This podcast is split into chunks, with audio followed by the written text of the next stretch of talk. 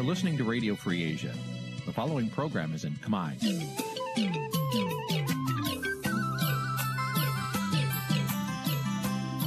Nǐ chi càm bi tiệp xáy vệt chiu a zì sê ray នេះជាកម្មវិធីផ្សាយរបស់ Vithu Azisari ជាភាសាខ្មែរ វត្តឈូអាស៊ីសេរីសូមស្វាគមន៍លោកអ្នកនាងទាំងអស់ពីរដ្ឋធានី Washington នៃសហរដ្ឋអាមេរិក ចាប់ផ្សាយផ្ទាល់ពីរដ្ឋធានី Washington នាងខ្ញុំសុជីវីសូមជម្រាបសួរលោកអ្នកនាងកញ្ញាដែលកំពុងតាមដានការផ្សាយរបស់ Vithu Azisari ទាំងអស់ជាទីមេត្រីយើងខ្ញុំសូមជូនកម្មវិធីផ្សាយសម្រាប់យប់ថ្ងៃប្រហ័ស15រោចខែអាសាឍឆ្នាំខាលចត្វាស័កពុរសករាជ2566ចាប់ត្រូវនឹងថ្ងៃទី28ខែកក្កដាគ្រិស្តសករាជ2022ចាជាដំបូងនេះសូមអញ្ជើញលោកអ្នកនាង ស្ដាប់ព័ត៌មានប្រចាំថ្ងៃដែលមានមេត្តាដូចតទៅ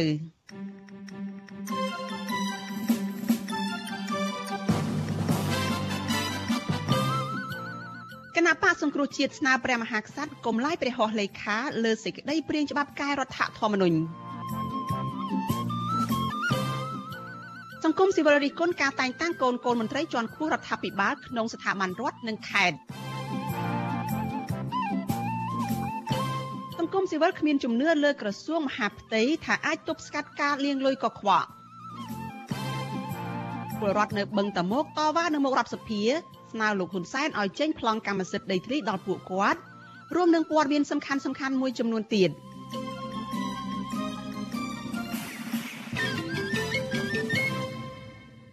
ចាជាបន្តទៅទៀតនេះនាងខ្ញុំសុជីវីសូមជូនព័ត៌មានទីនេះពិស្ដាចលនានាងជាទីមេត្រីគណៈបកសង្គ្រោះជាតិហៅការអនុម័តសេចក្តីព្រាងច្បាប់កែរដ្ឋធម្មនុញ្ញរបស់សភាឯកបកនៅពេលនេះថាគឺជាការធ្វើរដ្ឋប្រហាររដ្ឋធម្មនុញ្ញ ដើម្បីបំពេញមហិច្ឆតាអំណាចរបស់លោកហ៊ុនសែនចាសសភាឯកបកគ្រប់គ្រងដោយគណៈបកប្រជាជនកម្ពុជា នៅថ្ងៃទី28ខែកក្កដានេះចាបានអនុម័តសេចក្តីព្រាងច្បាប់រដ្ឋធម្មនុញ្ញដោយសម្លេង105លើ106ទាំងមិនអើពើសំណើរបស់អង្គការសង្គមស៊ីវិលគណៈបកក្ររដ្ឋាភិបាលនិងការរិះគន់នានាផង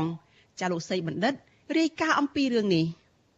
គណៈបកសង្គ្រោះជាតិទូលថ្វាយទៅព្រះមហាក្សត្រ ប្រាប់បាទនរោត្តមសីហមុនី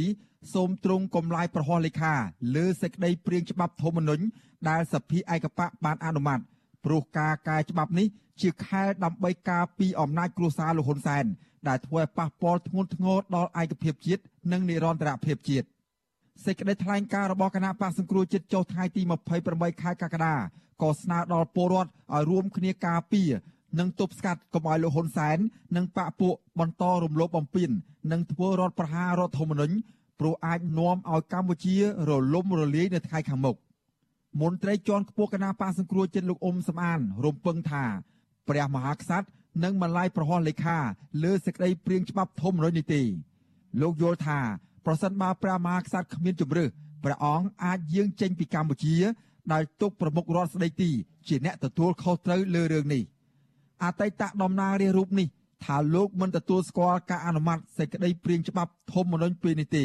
ព្រោះនេះជាការផ្គាប់ចិត្តលោកហ៊ុនសែនដើម្បីកាន់អំណាចតវងត្រកូលប៉ុណ្ណោះទោះយ៉ាងណាលោកថា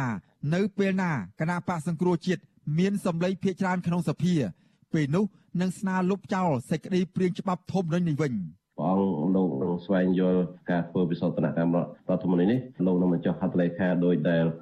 បេដារបស់លោកគឺសម្ដេចនរោត្តមសីហនុមិនព្រមចុះហត្ថលេខាទៅលើធម្មនុញ្ញបន្ថែមដែលបោះឆ្នោតជាកញ្ចប់កាលឆ្នាំ2003ឥឡូវផុតទៅនេះផងដែរមករដ្ឋសភានៅព្រឹកថ្ងៃទី28ខែកក្កដាបានបើកកិច្ចប្រជុំពេញអង្គដើម្បីពិភាក្សានិងអនុម័តលើរបៀបវរៈមួយចំនួនក្នុងនោះមានសេចក្តីព្រាងច្បាប់ធម្មនុញ្ញចំនួន6មាត្រា និងច្បាប់ធម្មនុញ្ញបន្ថែមចំនួន2មាត្រាដែលមាត្រាទាំងនេះចែងជាសំខាន់អំពីការតែងតាំងតួនាទីនាយករដ្ឋមន្ត្រីការបន្ថយអំណាចសមាជិកសភា និងការបង្កើនសិទ្ធិអំណាចរបស់គណៈបកដែលមានអាសនៈច្រើននៅក្នុងរដ្ឋសភាទោះបីជាការធ្វើវិសោធនកម្មលើកទី10នេះស្ថិតនៅក្រោមការរិះគន់ជាបន្តបន្ទាប់ក្តីប៉ុន្តែតំណាងរាស្ត្ររបស់គណៈបកប្រជាជនកម្ពុជាទាំងអស់នាំគ្នាលើកដៃអនុម័តដោយពុំមានមតិជំទាស់ឡើយ ទោះយ៉ាងណារដ្ឋមន្ត្រីក្រសួងយុទ្ធភ័ពលោកកើតរិទ្ធបានយកកិច្ចប្រជុំសភាវាយប្រហារទៅលើគណៈបកនយោបាយក្រៅរដ្ឋាភិបាលអង្គការសង្គមស៊ីវិលនិងអ្នកវិភាគដែលរិះគន់ការកែធម្មនុញ្ញនេះថា អ្នកទាំងនោះរិះគន់ទាំងទទឹងទឹះដោយមិនបានពិនិត្យផ្លូវច្បាប់គ្រប់ជ្រុងជ្រោយនិងថាការរិះគន់នេះដើម្បីបំរាមហិច្ចតានយោបាយរបស់ពួកគេថ្លែងនៅក្នុងពេលឡើងការពីច្បាប់លោកកើតរិទ្ធអះអាងថា ចាប់ពីពេលនេះតទៅ នឹងគ្មានភាពជាប់គាំងនយោបាយក្រោយការបោះឆ្នោតទៀតទេលោកអះអាងទៀតថាសេចក្តីព្រៀងច្បាប់ធម្មនុញ្ញនេះនៅតែផ្ដល់ទូរទីដល់រដ្ឋសភាធ្វើជាស្ថាប័នបង្កើតរដ្ឋាភិបាលដដែលព្រោះសភានៅតែមានទូរនទីបោះឆ្នោតផ្ដល់សេចក្តីទុកចិត្តសម្រាប់ការបង្កើតរដ្ឋាភិបាលថ្មីរដ្ឋមន្ត្រីក្រសួងយុទ្ធភ័ពរូបនេះបានវិបកទៅគណៈបកក្រៅរដ្ឋាភិបាលចំនួន4ដែលបានដាក់ញត្តិទៅរដ្ឋសភា ប្រឆាំងការអនុម័តលើសេចក្តីព្រាងច្បាប់ធម្មនុញ្ញនេះថាគណៈបកទាំងនោះតែងតែចង់បានឲ្យមានការជាប់គាំងនយោបាយដើម្បីតថ្លៃនយោបាយសម្រាប់ជាប្រយោជន៍គណៈបករបស់ខ្លួនគេតែងរិះរោចគ្រប់វិធីគ្រប់បែបយ៉ាង ដែលមានចែងក្នុងរដ្ឋធម្មនុញ្ញឬជ្រៀតឱកាសពីភាពចន្លោះប្រហោងក្នុងរដ្ឋធម្មនុញ្ញដើម្បីបង្កជាឧបសគ្គធ្វើឲ្យស្ថាប័នជាតិជាប់គាំងឬបង្កជាការរំខាននានាដល់កិច្ចដំណើរការនៃស្ថាប័នជាតិសម្ដៅតថ្លៃខាងនយោបាយសម្រាប់ផលប្រយោជន៍របស់គណៈបកខ្លួនតែដូច្នេះការប្រកាសរបស់គណៈបកទាំង4ដែលថាមិនគ្រប់គ្រងការធ្វើវិសោធនកម្មលើកទី10នៃរដ្ឋធម្មនុញ្ញគ្រាន់តែដើម្បីចង់ការពារនៅផលប្រយោជន៍ខាងនយោបាយរបស់ខ្លួនជាយថាហេតុនាពេលខាងមុខនេះតែប៉ុណ្ណោះ តាក់ទងការចោទប្រកាន់នេះវិទ្យុអាស៊ីសេរីនៅពុំទាន់អាចសុំការឆ្លើយតបពីតំណាងគណៈបកទាំង4រួមមានតំណាងគណៈបកភ្លើងទៀនគណៈបកកែតម្រង់កម្ពុជាគណៈបកឆន្ទៈខ្មែរនិងគណៈបកប្រជាធិបតេយ្យមូលដ្ឋានបានទេនៅថ្ងៃទី28ខែកក្កដាទោះយ៉ាងណាក្រុមអង្គការសង្គមស៊ីវិលរិះគន់ថារដ្ឋសភាអនុម័តលើសេចក្តីព្រៀងធម្មនុញ្ញលើកទី10 ដែលមានសេចក្តីស្នើវិសោធនកម្មចំនួន6មាត្រានៃរដ្ឋធម្មនុញ្ញនិង2មាត្រានៃធម្មនុញ្ញបន្ថែមនេះនឹងធ្វើឲ្យប៉ះពាល់ដល់ប្រព័ន្ធប្រជាធិបតេយ្យសេរីពហុបកប៉ះពាល់ដល់ស្មារតីឯកភាពជាតិនិងមិនបានឆ្លុះបញ្ចាំងពីឆន្ទៈពលរដ្ឋនោះទេប្រធានអង្គការសម្ព័ន្ធភាពការពារសិទ្ធិមនុស្សកម្ពុជាហៅកាត់ថាច្រាក់លោករស់សុថាលើកឡើងថាលោកខចិត្តដែលរដ្ឋសភាអនុម័តលើសេចក្តីព្រាងច្បាប់ធម្មនុញ្ញនៅពេលនេះព្រោះច្បាប់នេះ មានចរិតបំរើប្រយោជន៍បកច្រើនជាងបំរើផលប្រយោជន៍ជាតិចំពោះការចោទប្រកាន់របស់រដ្ឋមន្ត្រីក្រសួងយុទ្ធភ័ពលើក្រមអង្គការសង្គមស៊ីវិលដែលមិនគាំទ្រការកែច្បាប់នេះវិញលោកថាអង្គការសង្គមស៊ីវិលមានសិទ្ធិគ្រប់គ្រាន់ក្នុងការបញ្ចេញសម្លេងរបស់ខ្លួនដោយឈលលើច្បាប់ជាតិនិងច្បាប់អន្តរជាតិអំណាចច្បាប់តែមានសន្តិកម្មបណ្ណាបើវិសន្តិកម្មនោះវាមានលក្ខណៈគេហៅថាឯកបៈអញ្ចឹងវាវាមិនឆ្លុះបញ្ចាំងអំពី គេថាច្បាប់ជាតិមួយដែលមានការគ្រប់គ្រងអញ្ចឹងណាអញ្ចឹងប្រព័ន្ធចង់ឲ្យមានការគ្រប់គ្រងច្រើនគឺថាធ្វើម៉េចរងចាំឲ្យបបាត់នយោបាយត្រូវបានដោះស្រាយឲ្យមានការចូលរួមពីបកផ្សេងផ្សេងបើមិនចឹងទេច្បាប់នឹងគឺផ្លាយពីច្បាប់ដែលមានគេហៅថាលក្ខណៈមួយឯកបៈនឹងចំណែកសមាជិកសភាអាស៊ានដើម្បីសិទ្ធិមនុស្សឬហៅកាត់ថា APHR កាលពីថ្ងៃទី27ខែកក្កដាបានចេញសេចក្តីថ្លែងការណ៍រិះគន់ថាការកែច្បាប់រដ្ឋធម្មនុញ្ញនៅពេលនេះ គឺជាការសម្លាប់លទ្ធិប្រជាធិបតេយ្យដើម្បីពង្រឹងអំណាចបកពួកលោកហ៊ុនសែននិងជាការបើកត្រួសត្រាយផ្លូវឲ្យលោកហ៊ុនម៉ាណែត មានភាពងាយស្រួលក្នុងការឡើងអង្គុយកៅអីនាយករដ្ឋមន្ត្រីជំនួសឪពុកខ្ញុំបាទសេកបណ្ឌិតវិទ្យុអាស៊ីសេរីពីរដ្ឋធានីវ៉ាស៊ីនតោនចាលោកនាងកញ្ញាប្រិមិត្តជាទីមេត្រីចាលោកអ្នកកំពុងតែតាមដានការផ្សាយរបស់វិទ្យុអាស៊ីសេរីចាផ្សាយចេញពីរដ្ឋធានី Washington សហរដ្ឋអាមេរិក ចាតកតងនឹងព័ត៌មានដែលរដ្ឋសភាបានអនុម័តវិសោធនកម្មលើកទី10នៃរដ្ឋធម្មនុញ្ញនិងច្បាប់ធម្មនុញ្ញបន្ថែមនៅថ្ងៃទី28ខែកក្កដានេះដែរចារដ្ឋមន្ត្រីក្រសួងយុតិធធបានឡើងការពីថា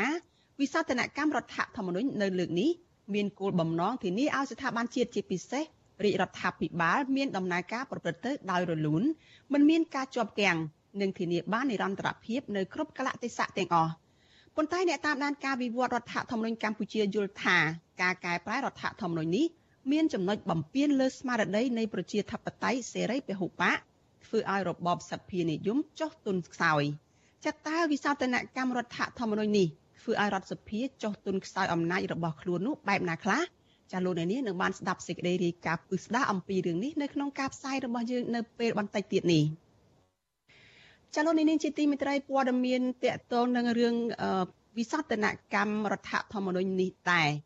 ចាអតីតប្រធានគណៈកម្មការសិទ្ធិមនុស្សនិងអង្គការនៃរដ្ឋសភាលោកអេងឆៃអៀងអះអាងថាលោកហ៊ុនសែនស្នើកែរដ្ឋធម្មនុញ្ញនេះគឺមិនមែនមានទិសដៅដើម្បីចង់កាត់បន្ថយអំណាចរដ្ឋសភាតែមួយមុខនោះទេគឺលោកថែមទាំងមិនទុកចិត្តសមាជិកគណៈបកប្រជាជនកម្ពុជា នៅក្នុងផែនការផ្ទេរអំណាចទៅឲ្យកូនរបស់លោកនៅពេលខាងមុខ តើលោកហ៊ុនសែនមិនទុកចិត្តសមាជិកគណៈបកប្រជាជនកម្ពុជារបស់លោកនោះដោយម្ដេចខ្លះចាសសូមអញ្ជើញលោកអ្នកនាងរងចាំទស្សនាបទសម្ភាសន៍អំពីបញ្ហានេះជាមួយលោកអេងឆៃអៀងនៅក្នុងការផ្សាយរបស់យើងនៅពេលបន្តិចទៀតនេះ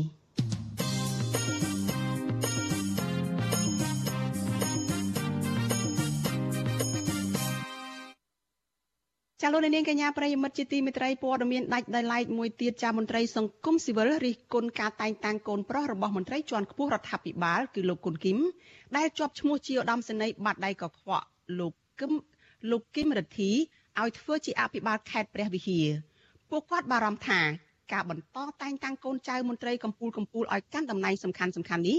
ធ្វើឲ្យប៉ះពាល់ទៅដល់ប្រសិទ្ធភាពការងារនិងមានអំពើពុករលួយបពពួកនិយមជាប្រព័ន្ធ ចាលោកសនច័ន្ទរដ្ឋារាយការណ៍អំពីរឿងនេះកូនចៅរបស់មន្ត្រីកម្ពុជាកម្ពុជារបស់គណៈបកកណ្ដាលអំណាចនៅតែបន្តឡើងកណ្ដាលអំណាចធំធំងាយងាយក្នុងស្ថាប័នរដ្ឋដែលធ្វើមន្ត្រីសង្គមស៊ីវិលបារម្ភអំពីបញ្ហាគ្រួសារនិយមហើយមានទំនាស់ផលប្រយោជន៍ក្នុងស្ថាប័នរដ្ឋជាក់ស្ដែងករណីអតីតអភិបាលរងខេត្តកណ្ដាលនិងបច្ចុប្បន្នជាអគ្គនាយករងនៃអគ្គនាយកដ្ឋានរដ្ឋបាលក្រសួងមហាផ្ទៃលោកគឹមរទ្ធីត្រូវបានរដ្ឋាភិបាលលហ៊ុនសែនតែងតាំងជាអភិបាលខេត្តព្រះវិហារចំនួនលោកប្រាក់សវណ្ណ ដែលបានជូនវត្តកាលពីថ្ងៃទី27កក្កដាឆ្នាំ2022លោកគឹមរទ្ធីគឺជាកូនប្រុសនៃឧត្តមសេនីយ៍គុណគឹមដែលជាទេសរដ្ឋមន្ត្រីទទួលបន្ទុកបេសកកម្មពិសេសនិងបានជាប់ក្នុងបញ្ជីនៃរងតនកម្មពីអាមេរិកពាក់ព័ន្ធទៅនឹងការប្រព្រឹត្តអំពើពុករលួយនិងការរំលោភសិទ្ធិមនុស្សធ្ងន់ធ្ងរនៅកម្ពុជាប្រធានមជ្ឈមណ្ឌលប្រជាប្រដ្ឋដើម្បីអភិវឌ្ឍនិងសន្តិភាពលោកយងកំឯងប្រាប់វិទ្យុអេស៊ីសេរីថ្ងៃទី28កក្កដាថាចលនានៃការតែងតាំងខ្សែស្រឡាយកូនក្មួយ របស់មន្ត្រីជាន់ខ្ពស់ឲ្យកាន់តួនាទីសំខាន់សំខាន់ការឡើងនេះរឹតតែពង្រឹងប្រព័ន្ធខ្សែស្រឡាយបពពួកកាន់តែខ្លាំងនៅក្នុងស្ថាប័នរដ្ឋលោកបន្តថាក្តីបារម្ភមួយអំពីការតែងតាំងខ្សែស្រឡាយបពពួកនិយមនេះគឺអាចមានបញ្ហាមួយចំនួនដែលធ្វើឲ្យប្រព័ន្ធរដ្ឋបាលរបស់រដ្ឋគ្មានភាពរឹងមាំ។ ជាបញ្ហាទៅវិញបើសិនជាការតែងតាំងនឹងវាគ្មានភាពយុត្តិធម៌ឬខ្វះតម្លាភាពបាទហើយដែលអាចធ្វើឲ្យកូនពជារាជធម្មតានឹងគ្នាបាត់បង់ឱកាសហើយក៏មិនអាចនឹងមានឱកាសឆោងចាប់យកមុខតំណែងសំខាន់ៗក្នុងការជួយអភិវឌ្ឍប្រទេសជាតិឲ្យមានភាពរុងរឿងរីកចម្រើននឹងបាទកាលណាថាខ្វះតម្លាភាពខ្វះយុត្តិធម៌ក្នុងការតែងតាំងគឺវាអាចធ្វើឲ្យប្រព័ន្ធរដ្ឋបាលអាចនឹងមិនមានប្រសិទ្ធភាពទេបាទ ជុំវិញរឿងនេះមន្ត្រីសមាគមការពារសិទ្ធិមនុស្សអាត់ហុកប្រចាំខេត្តព្រះវិហារលោកឡាវច័ន្ទលើកឡើងថាមតិមួយចំនួនយល់ថាការតែងតាំងនេះដោយសារលោកគឹមរទ្ធីគឺជាកូនប្រុសរបស់ទេសរដ្ឋមន្ត្រីគុណគឹមលោកឡាវច័ន្ទសង្ឃឹមថាលោកគឹមរទ្ធីវ័យនៅក្មេងមានកម្លាំងហើយអាចជួយរកស្រាយទុលំបាករបស់ប្រជាពលរដ្ឋពីខ្សែបញ្ហាដីធ្លីរ៉ាំរ៉ៃក្នុងខេត្តព្រះវិហារប៉ុន្តែលោកឡាវច័ន្ទក៏សម្គាល់ថាកន្លងមកអភិបាលខេត្តឡើងថ្មីភ័យច្រើនយកស្នាដៃតែដំបងប៉ុន្តែក្រោយមកហាក់គ្មានការយកចិត្តទុកដាក់ ចំពោះបរិសុទ្ធនោះទេជាយើងឃើញថាអាបាខែថ្មីឲ្យតែមុនវងតែតែយកស្នាដៃហើយប៉ុន្តែរឿងក្រោយឡើងទៀតខ្ញុំក៏មិនហ៊ានអះអាងដែរ ខ្ញុំគ្រាន់ស្នើចែកដល់កម្មរិទ្ធីដែលជាអាបាល ខេត្តថ្មីនេះគឺមេត្តាជួយធ្វើការដោះស្រាយទុកលំបាកប្រជាពលរដ្ឋជាពិសេសអ្នកដែលមានចំនួនដីធ្លីដ៏រ៉ាំរ៉ៃដែលមិនត្រូវបានអាបាលខេត្តចាស់ដោះស្រាយជាយូរឆ្នាំមកហើយដើម្បីជាជំនឿជារបស់ប្រជាពលរដ្ឋគឺសង្ឃឹមថាអាយដាមនឹងធ្វើការដោះស្រាយជូនពួកគាត់ជាពិសេសទៅនឹងជនជាតិដើមភាគតិចដែលគាត់កំពុងរងទុក្ខលំបាកវេទនាកន្លងមក គុណប្រទេសរដ្ឋមន្ត្រីគុណគៀមលោកគឹមរទ្ធីជាអភិបាលរងខេត្តកណ្ដាលកាលពីឆ្នាំ2019លោកក៏បានទទួលការតែងតាំងជាអគ្គនាយករងនៃអគ្គនាយកដ្ឋានរដ្ឋបាលក្រសួងមហាផ្ទៃនៅថ្ងៃទី3ខែកុម្ភៈវិទ្យុអេស៊ីសេរីមិនតាន់អាចតតងអភិបាលខេត្តព្រះវិហារថ្មីលោកគឹមរទ្ធីដើម្បីសូមអធិប្បាយអំពីរឿងនេះបានទេនៅថ្ងៃទី28ខែកក្កដាមន្ត្រីកម្ពុជាកម្ពុជាបានរៀបចំទុកដាក់គុណចាររបស់ពួកគេជាយូរមកហើយសម្រាប់ការទូនាទីសម្រាប់ចិត្តសំខាន់សំខាន់ ឬក៏ទូនាទីជាអភិបាលខេត្តនេះដំបងឡើយពួកគេត្រូវបានដាក់ធ្វើជាអភិបាលរងខេត្តមួយរយៈបន្តមកពួកគេត្រូវបានដំឡើងជាអភិបាលខេត្តតែម្ដងសពថ្ងៃនេះកូនកូនមានអំណាចធំធំ បានឡើងជាអភិបាលខេត្តហោហែដូចជាលោកជឹមច័ន្ទសផនអភិបាលខេត្តត្បូងឃ្មុំជាកូនប្រុសលោកជឹមយាបអនុប្រធានទី1រដ្ឋសភាលោកទាសេហាអភិបាលខេត្តសៀមរាបជាកូនប្រុសលោកទាបាញ់រដ្ឋមន្ត្រីក្រសួងការពារជាតិលោកជាសមេធីអភិបាលខេត្តព្រៃវែងជាកូនប្រុសលោកជាស៊ីម ហហើយត្រូវជាក្មួយប្រុសលោកសខេងរំត្រេងសួមហាផ្ទៃលោកម៉ៅទនិនអភិបាលខេត្តកំពត ជាក្មួយប្រសាលោកហ៊ុនសែនលោកថងសវនអភិបាលខេត្តមណ្ឌលគិរីគឺជាគុំប្រុសលប៊ូថងអតីតសមាជិកអចិន្ត្រៃយ៍គណៈបកប្រជាជនកម្ពុជា ហើយជាអតីតរដ្ឋមន្ត្រីការពារជាតិអ្នកស្រីមិថុនាភូថងឡើងជាអភិបាលខេត្តកោះកុងតពីឪពុកនិងជីតារបស់ខ្លួនលោកសំពិសិដ្ឋអភិបាលខេត្តកែបជាកូនប្រុសលោកសំចិនតំណាងរាជខេត្តកំពតថ្មីថ្មីនេះ នាយឧត្តមស្នេហ៍នឹងជាអគ្គមេបញ្ជាការរងនៃសេនាធិការចម្រុះនៃកងយោធពលខេមរៈភូមិន្ទលោកអ៊ិតសារ៉ាន់ក៏បានដាក់លិខិតស្នើសុំទៅរដ្ឋមន្ត្រីក្រសួងមហាផ្ទៃលោកសុកខេងជួយតែងតាំងកូនប្រុសរបស់លោកជាអភិបាលរងរាជធានីភ្នំពេញហើយក្មួយប្រុសរបស់លោកម្នាក់ទៀតជាអភិបាលរងខេត្តសៀមរាបដោយគ្មានការប្រកួតប្រជែងសមត្ថភាពនិងនីតិវិធីត្រឹមត្រូវក្រៅពីនេះមានកូនចៅនិងខ្សែស្រឡាយសាច់ញាតិរបស់មន្ត្រីកម្ពុជាកម្ពុជាច្រើនអ្នកផ្សេងទៀតត្រូវបានតែងតាំងការតំណែងសំខាន់សំខាន់ឬក៏កន្លែងខ្លាញ់ក្នុងស្ថាប័នរដ្ឋ សង្គមស៊ីវិលយល់ឃើញថាការដំឡើងកូនអ្នកធំអ្នកធំឲ្យធ្វើការមានតំណែងខ្ពស់ខ្ពស់បង្ហាញថាយុវជនផ្សេងទៀតដែលមានសមត្ថភាពតែគ្មានខ្សែស្រឡាយជាមន្ត្រីធំគឺគ្មានឱកាសក្នុងការទទួលបានតំណែងអ្វីទាំងអស់ខ្ញុំសនចាររថាវិទ្យុអេស៊ីសេរីរាយការណ៍ពីរដ្ឋធានីវ៉ាស៊ីនតោនចា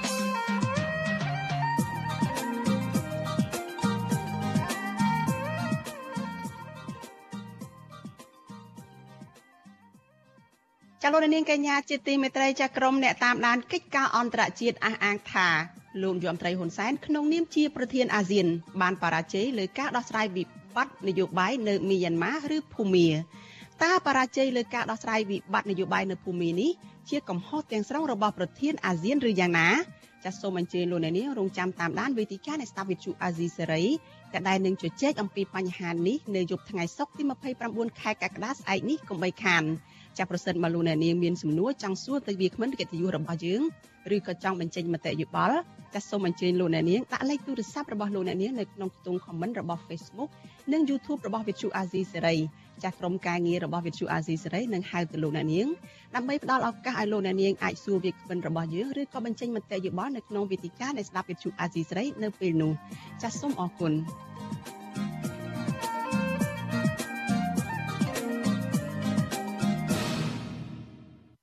លោកនាងកញ្ញាជាទីមេត្រីលោកអ្នកកំពុងតែតាមដានការផ្សាយរបស់ Vithu Azizi សេរីចាប់ផ្សាយចេញពីរដ្ឋធានី Washington សហរដ្ឋអាមេរិកចាប់ព័ត៌មានតកតងនឹងគណៈបកភ្លើងទៀនឯនេះវិញ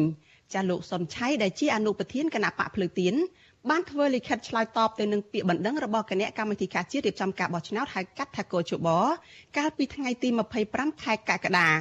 ចាំមេធាវីការពារក្តីរបស់លោកសុនឆៃយល់ថាលិខិតបំភ្លឺនេះនឹងអាចជួយដោះបន្ទុកកូនក្តីរបស់លោក ចំណែកឯអង្គការសង្គមស៊ីវិលស្នើឲ្យអាយកាអមសាលាដំបងតម្កល់ទុកមិនចាត់ការសំណុំរឿងរបស់លោកសុនឆៃ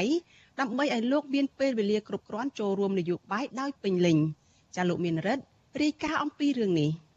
អនុប្រធានគណៈបកភ្លើងទៀនលោកសុនឆៃតាមរយៈមេធាវីរបស់លោក បានដាក់ចម្លើយនឹងភ័ស្តុតាងបន្ថែមទៅតុលាការក្រុងភ្នំពេញដើម្បីឆ្លើយតបទៅនឹងពាក្យបណ្ដឹងរបស់គូចបស្នើសុំឲ្យគូចបដកពាក្យបណ្ដឹងលើរូបលោកនិងស្នើឲ្យតំណាងអัยការតម្កល់ទុកសំណុំរឿងដែលចោទប្រកាន់មកលើរូបលោកដោយឥតចាត់ការ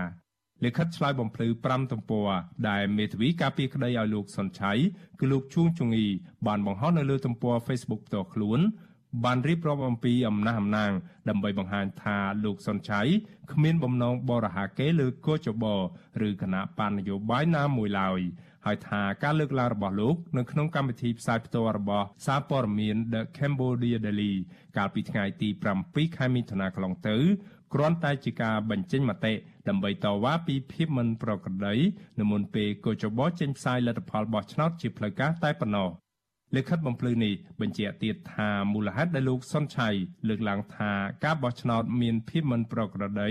គឺផ្អែកទៅលើពាក្យបណ្ដឹងរបស់គណៈបកភ្លើងទៀនសរុបចំនួន91បណ្ដឹងនៅក្នុង14ខេត្តពាក់ព័ន្ធទៅនឹងការបិទរបងមណ្ឌលបោះឆ្នោតព្រមទាំងការបិទទ្វារបង្អួចនិងការដេញអ្នកបោះឆ្នោតចេញនៅមុនការរាប់សន្លឹកឆ្នោតព្រមទាំងមានវត្តមានអាជ្ញាធរមូលដ្ឋាននៅក្នុងមណ្ឌលបោះឆ្នោតជាដើម។ លោកសុនឆៃលើកឡើងនៅក្នុងលិខិតនោះដែលរំពឹងថាកោចបោ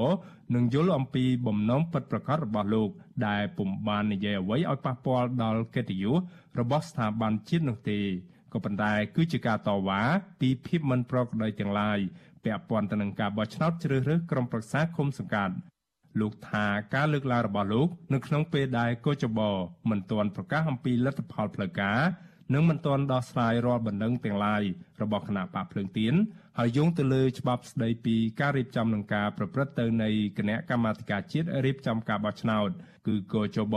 មានភារកិច្ចដោះស្រាយរាល់ការតវ៉ាពីភាពមិនប្រក្រតីនៃការបោះឆ្នោតហើយមិនមានចំណុចណាមួយនៅក្នុងច្បាប់ឲ្យប្តឹងទៅតុលាការនោះទេ មេធាវីការពីក្តីឲ្យលោកសុនឆៃគឺលោកជួងជងីប្រាវិសុយស៊ីស្រីថាចម្លើយបន្ថែមលើពាក្យបណ្ដឹងរបស់កោជបមានសារៈសំខាន់ខ្លាំងដើម្បីដោះបន្ទុកព្រោះវាបានបញ្ជាក់អំពីអំណះអំណាងកាន់តែល្អិតល្អន់និងគ្រប់ជ្រុងជ្រោយបន្ថែមទៅលើការខ្វះខាតដែលលោកសុនឆៃបានឆ្លើយទៅកាន់អាយកាអមសាលាដំបងកាលពីពេលកន្លងមកជាមួយគ្នានេះលោកបានដាក់ឯកសារបន្ថែម84ទំព័រដែលជាភស្តុតាងបង្ហាញថា លោកសុនឆៃមិនបានបរិហាកេកោចបនោះឡើយលោកជួងជងីបន្តថាបណ្ដឹងមកលើកូនក្តីរបស់លោក គឺជាការធ្វើទុកបុកម្នេញដើម្បីកុំឲ្យលោកសុនឆៃអាចចូលរួមប្រកួតប្រជែងនៅក្នុងឆាកនយោបាយបានតែប៉ុណ្ណោះ ដោយសារតែឯកឧត្តមសុនឆៃគាត់មានសក្តានុពលខ្លាំងហើយគាត់មានជាប្រិយភាពបំផុតផងនោះអញ្ចឹងដូចថាអ្នកដែលមានអំណាចនៅក្នុងសង្គមគាត់មិនសប្បាយចិត្តប្រមាណចំពោះឯកឧត្តមសុនឆៃទេគឺព្រមទាំងគាត់គាត់ថាអីយ៉ាបត់គាត់អត់ចង់ឲ្យមានវត្តមានឯកឧត្តមសុនឆៃក្នុងឆាកនយោបាយរបស់បព្វជិទេទាក់ទងនឹងករណីនេះនាយកប្រតិបត្តិអង្គការឃ្លាំមើលការបោះឆ្នោតនៅកម្ពុជាហៅកាត់ថា Netflix លោកសំគុណធមីយល់ថាការលើកឡើងរបស់លោកសុនឆៃកន្លងមកគ្រាន់តែជាការបញ្ចេញមតិតែប៉ុណ្ណោះហើយមិនប៉ះពាល់ដល់ស្ថាប័នណាមួយនោះឡើយលោកបានថែមថាបណ្ដឹងប្រឆាំងនឹងលោកសុនឆៃនៅពេលនេះគឺជាការរំខានការងារនយោបាយរបស់លោកសុនឆៃខណៈការបោះឆ្នោតថ្នាក់ជាតិនឹងមកដល់នៅក្នុងឆ្នាំ2023ខាងមុខនេះ ទោះបីជាមិនក៏វាច្រើនណាស់មួយលានដុល្លារណាមិនមួយលានលុយខ្មែរអីមិនមួយលានលុយខ្មែរណាលោកអើយដុល្លារណាវារត់ថាបានយើងមកថាវានេះខ្ញុំថាសូមអត់បញ្ចប់ទៅដើម្បីរៀបចំធ្វើការសហការមួយចូលរួមបោះឆ្នោតឆ្នាំក្រោយទាំងអស់គ្នាទៅណាវិសុវស៊ីស្រីមិនអាចតតងណែនាំពាក្យកោចបលោកហំពធា ដើម្បីសូមអធិប្បាយជុំវិញរឿងនេះបាននៅឡើយទេនៅថ្ងៃទី28ខែកក្កដា បច្ចុប្បន្នលោកសុនឆៃកំពុងរងនៅបណ្ដឹងពីបទបរហាកេចំនួន2សំណុំរឿងដោយសំណុំរឿងទី1កោចបប្តឹងលោកដើម្បីទាមទារឲ្យលោកសុំទោសជាសាធារណៈចំពោះការលើកឡើងថាការបោះឆ្នោតឃុំសង្កាត់កន្លងទៅ មានភាពមិនប្រក្រតីដោយឡែកចំពោះសំណុំរឿងទី2គណៈបកប្រជាជនកម្ពុជា បានប្តឹងទាមទារសំណងជំងឺចិត្តពីលោកសុនឆៃចំនួន1លានដុល្លារអាមេរិកដោយចោទថាលោកបាននិយាយចាត់ប្រកាន់ថាគណៈបកប្រជាជនកម្ពុជាគ្រប់គ្រងកោចបខ្ញុំបានមេរិត Visual C ស្រីរាយការណ៍ពីរដ្ឋធានី Washington ា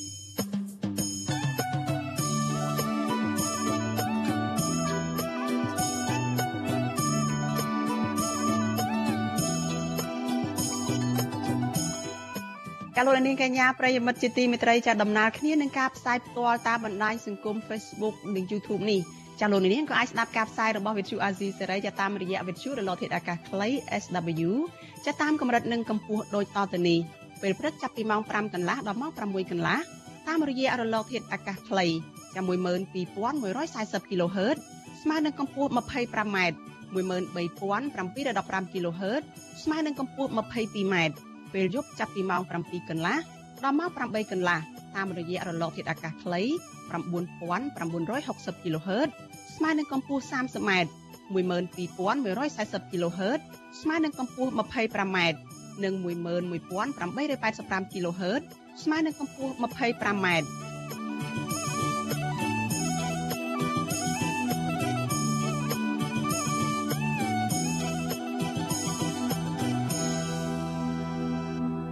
ចាលោកនាងកញ្ញាប្រិយមិត្តជាទីមេត្រីលោកអ្នកកំពុងតែស្ដាប់ការផ្សាយរបស់វិទ្យុអាស៊ីសេរីចាសេចក្តីរាយការណ៍ពីខេត្តបាត់ដំបងឲ្យដឹងថា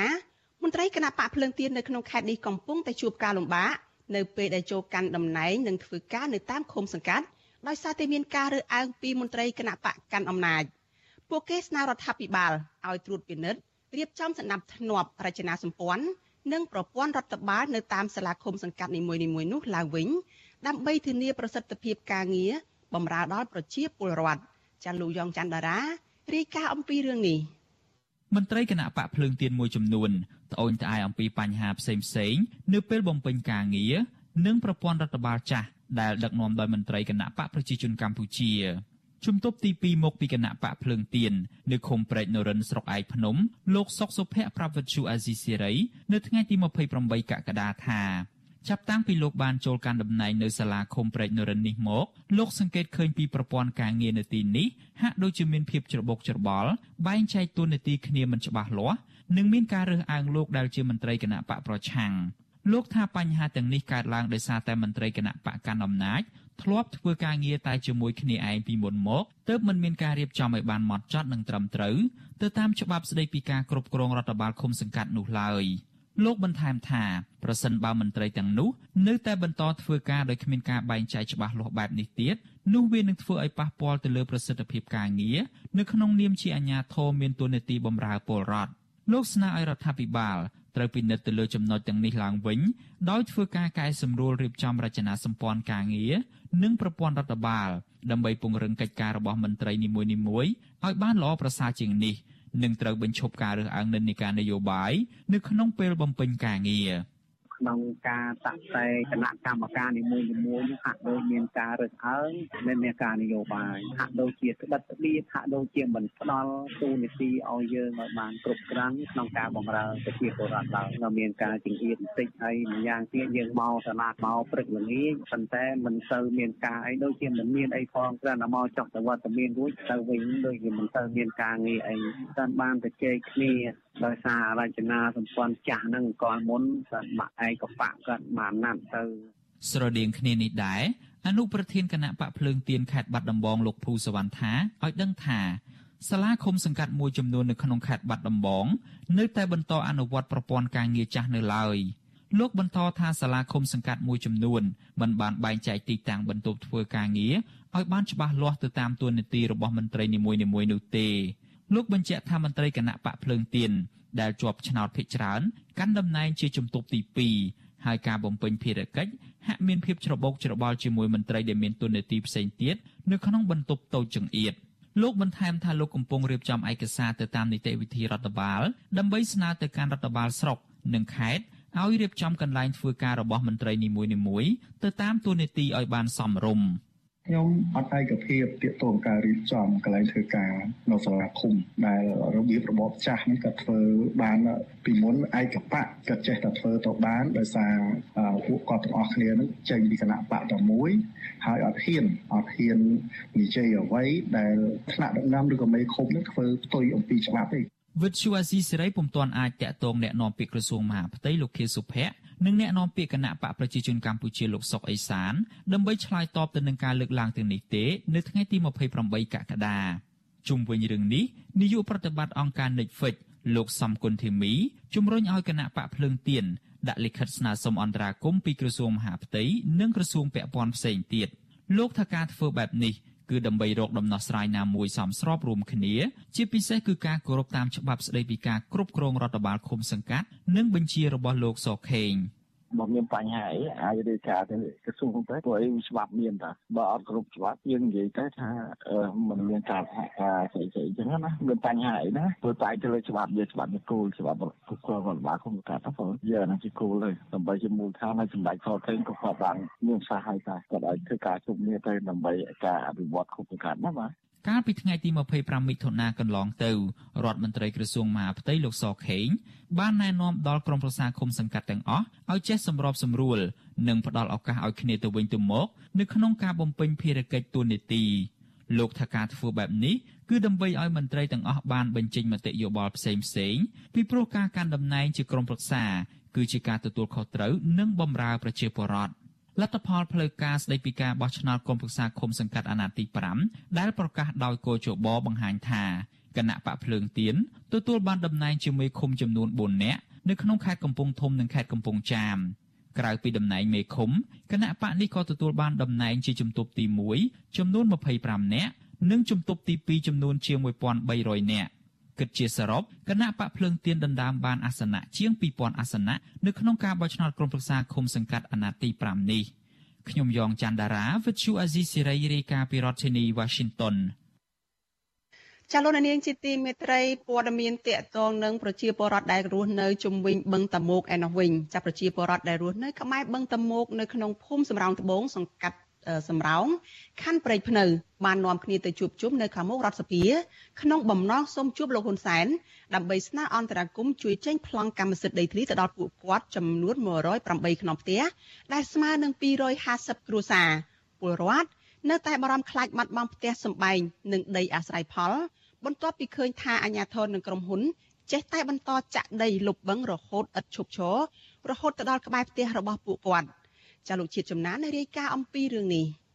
ប្រជាសហគមន៍បឹងតមោកបានប្រមូលផ្ដុំគ្នាប្រមាណ50នាក់នៅមុខរដ្ឋសភាក្រសួងរៀបចំដែនដីនគររូបនីយកម្មក្នុងសំណង់និងខុទ្ទកាល័យនាយករដ្ឋមន្ត្រី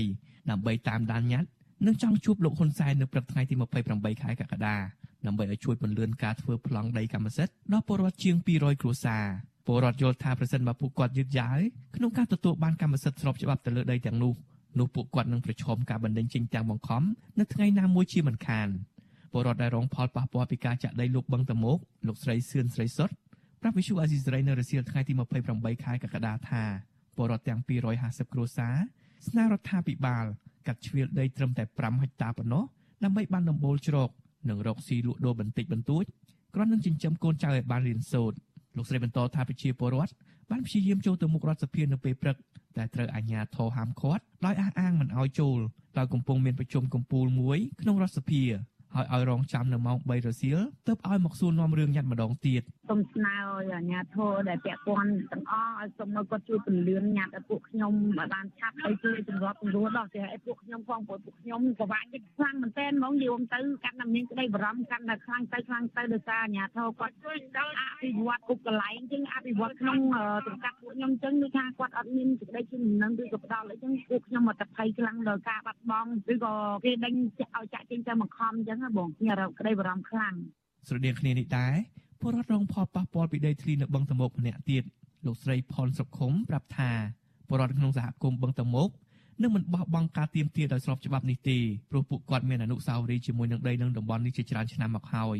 លោកស្រីទទូចដល់រដ្ឋាភិបាលជាពិសេសលោកហ៊ុនសែនសូមផ្ដល់បានកម្មសិទ្ធិស្របច្បាប់ឲ្យពលរដ្ឋបានរស់នៅដោយសុខសាន្តលើបឹងតមោកនេះផងកុំឲ្យក្រុមហ៊ុននិងអាជ្ញាធរមករំលោភយកដីពីពួកគាត់អឺ ខ្ញុំគិតថាឲ្យតែយើងតស៊ូយើងបិទពីបានណាអូនព្រោះដែលពួកខ្ញុំរស់នៅដីដែលខ្ញុំរស់នៅនេះវាអត់មានអីគួរឲ្យច្រើនណាអូនបើគិតជាសរុបដីដីបើគិតជាពួកខ្ញុំសុំកាត់អាខ្នល់ហើយសុំតែ40ម៉ែត្រអីដែលខ្ញុំរស់នៅហ្នឹងក៏ខ្ញុំអត់មានអីត្រូវនឹងអត់ស្របច្បាប់វាអាជ្ញាធរគាត់និយាយដែរបើខ្ញុំអត់ស្របច្បាប់គឺប្រើតែខ្ញុំគេអភិសម្ដេចអភិវឌ្ឍពួកខ្ញុំតែមកកាប់នៅ វិសុអាស៊ីសេរីមិនឲ្យសុំការបំភ្លឺជុំវិញរឿងនេះពីអភិបាលខណ្ឌព្រែកភ្នៅលោកសុកសម្បត្តិនិងអភិបាលក្រុងភ្នំពេញលោកខួងស្រីម៉ាន់ទេនៅថ្ងៃទី28ខែកក្កដាដោយទូរស័ព្ទចូលតែគ្មានអ្នកទទួលជុំវិញបញ្ហានេះដែរប្រធានផ្នែកកម្មវិធីស្រាវជ្រាវនឹងតស៊ូមតិនៃបណ្ដាញយុវជនកម្ពុជាលោកហេងកំហុងប្រាប់វិទ្យុអេស៊ីស្រីថាបញ្ហាដីធ្លីជាប្រធានបទក្តៅមួយដែលនាំឲ្យគណៈបកកាន់អំណាចអាចបាត់បង់ការគ្រប់គ្រងក្នុងការបោះឆ្នោតខាងមុខ ប្រសិនបើរដ្ឋាភិបាលមិនយកចិត្តទុកដាក់ដោះស្រាយឲ្យបានត្រឹមត្រូវ